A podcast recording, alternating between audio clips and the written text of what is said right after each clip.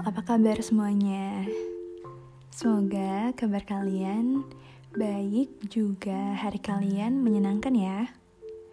Kembali lagi di podcast Ruang Tamu, di mana kalian akan mendapatkan suasana hangat dan cerita menarik tentang ruang tamu. Terima kasih yang tidak bosan mendengarkan suaraku, serta sudah mau singgah kembali di episode ke-6 di podcast Ruang Tamu.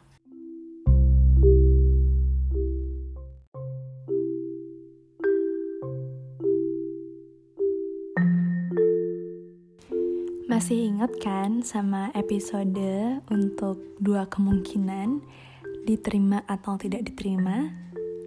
Kalau masih ingat, yuk kita lanjutin segmen kali ini. Dan untuk yang belum dengerin, silahkan kalian dengerin dulu di episode dua kemungkinan tersebut. Nah, kali ini Aku mau lanjutin untuk membahas mengenai hal-hal yang mungkin terjadi sama kalian saat ini.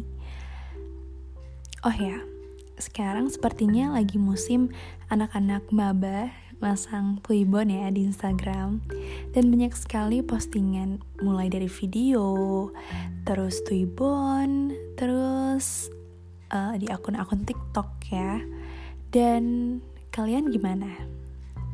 Apakah di antara kalian ini sudah berhasil mendapatkan kampus impiannya? Oke, aku ucapin selamat ya. Akhirnya doa kalian kali ini dikabulkan sama Tuhan. Harus banyak-banyak bersyukur ya karena yang baik-baik akan terjadi esok ataupun yang akan datang. Nah, ngomong-ngomong, aku sekarang jadi sering banget buat ngebahas hal tentang perjalanan menggapai kampus impian. Dan sempat beberapa waktu lalu aku share tanggapan juga. Dan kali ini aku bakal sharing ke kalian perihal postingan tanggapan aku di Instagram story waktu itu. Semoga ini bisa menjadi teman tidur kalian dan tentunya bisa memicu semangat kalian lagi. Dan walaupun ini tidak menjadi teman tidur kalian saat ini. Semoga ada hal positif yang bisa kalian ambil jika kalian telah mendengarkan podcast ini. Untuk yang pertama, mungkin aku mau bacain mengenai seseorang yang cerita tentang bagaimana dia untuk menggapai kampus impiannya.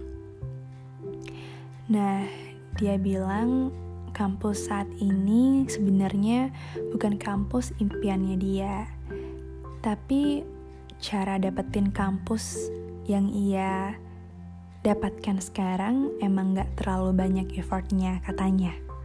Mungkin effortnya itu paling banyak di doa dan di pasrah.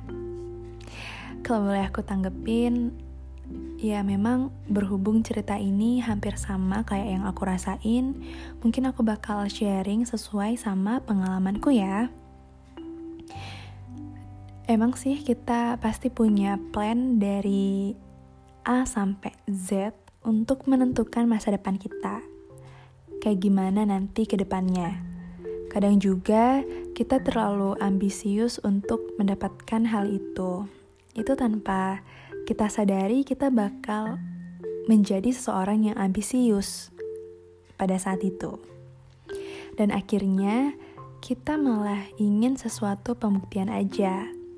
Kalau kita bisa dapetin apa yang kita mau atau kasarnya hanya ingin memenuhi ekspektasi orang lain sama diri kita, kita nggak bakal menemukan hal yang indah pada saat nanti. Karena kita hanya ingin memenuhi ekspektasi orang lain saja. Ah, jangan mimpi ketinggian, nanti jatuhnya sakit. Banyak banget rasanya omongan-omongan yang kayak gitu hadir di saat di penghujung kelas 12 dulu.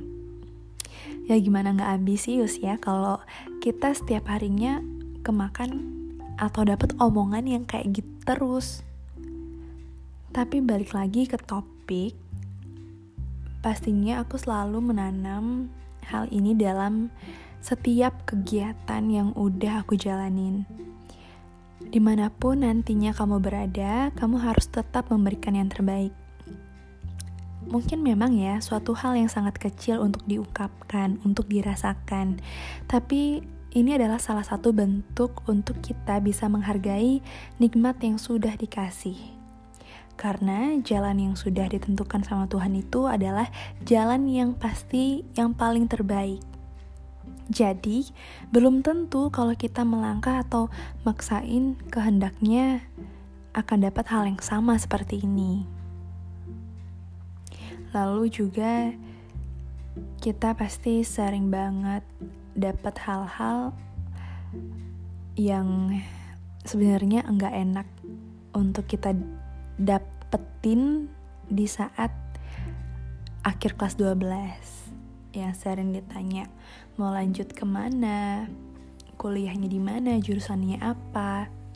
Mungkin emang wajar ya orang-orang nanya kayak gitu karena kita sudah kelas 12 but kadang sebenarnya itu berat dan kita nggak pengen denger orang nanyain itu kita emang punya plan sih yang tadi aku bilang plan A sampai Z.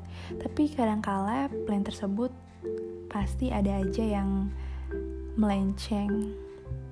Dan balik lagi kadang kita jadi terlalu ambisius karena takut akan ekspektasi orang lain bukan sih? Terlebih misalnya kita adalah orang yang pintar orang yang banyak punya prestasi yang nilainya bagus, pasti mereka tuh punya ekspektasi buat kita dan ketika kita nggak bisa uh, memenuhi ekspektasi tersebut, pasti ada aja orang yang memandang remeh, memandang sebelah mata um, kita terhadap hal-hal tersebut. Entah ini cuma perasaan dari aku sebagai pembuat podcast ini atau kalian juga sama-sama mempunyai perasaan yang sama kayak aku. Tapi kita punya prinsip dan semoga seterusnya bisa kita tanamkan tentang selalu lakukan yang terbaik di mana pun itu dan kapan pun tentunya. Lalu kalau ada yang bilang tentang hal-hal yang tersebut, ya pasti uh, mereka layak untuk bertanya. Ya, apakah ini berada di sudut pandang yang mana? Karena ini tuh sangat ambigu ya kalau kita dengerin. Contohnya nih, mungkin ada orang yang banyak banget prestasinya yang kayak tadi aku bilang, tapi dia kuliahnya enggak di luar daerah, enggak di universitas juga mungkin, tapi dia malah ambil passion yang berbeda dari sebelumnya. Apalagi nih perihal salah jurusan. Berapa orang kalau memilih jurusan itu pasti punya backupan kan jurusan masing-masing dan pilihan yang kedua biasanya adalah pilihan yang tidak terlalu disukainya.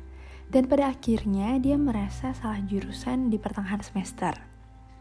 Kalian pasti nggak oh gini kan nggak asing lagi sama ungkapan salah jurusan ini karena ya ada aja gitu beberapa hal kecil yang bisa membuat dia bilang aku salah jurusan nih kayaknya. Contohnya nih, ada yang baru banget dapet tugas dan menganggapnya susah banget tugas itu. Tapi udah bilang, aduh aku salah jurusan, susah banget lagi tugasnya gitu. Terus ada yang bilang, baru banget masuk semester nih, semester 2 misalkan dan baru ketemu satu matkul praktek aja dia udah bilang salah jurusan karena matkul itu susah buat dia. Terus ada juga yang bilang baru nilainya jelek, dia udah bilang, aduh aku salah jurusan nih, nilaiku jelek banget pokoknya di jurusan ini.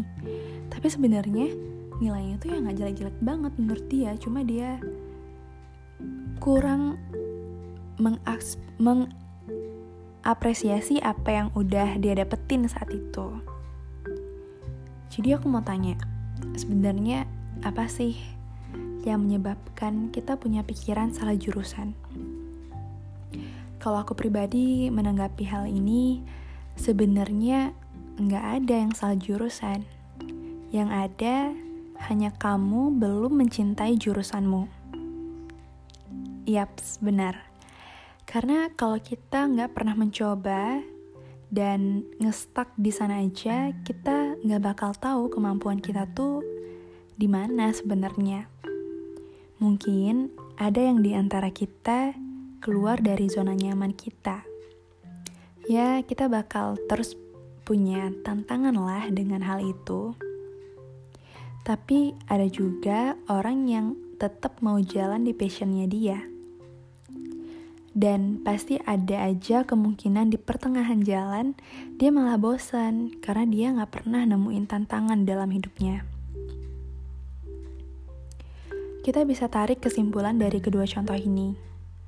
Coba lagi renungin deh. Sebenarnya apa yang bikin kamu bisa mikir salah jurusan? Kalau katamu, aku udah mau masuk semester 7, udah mencoba nyaman dan mencintai jurusan, tapi tetap aja susah.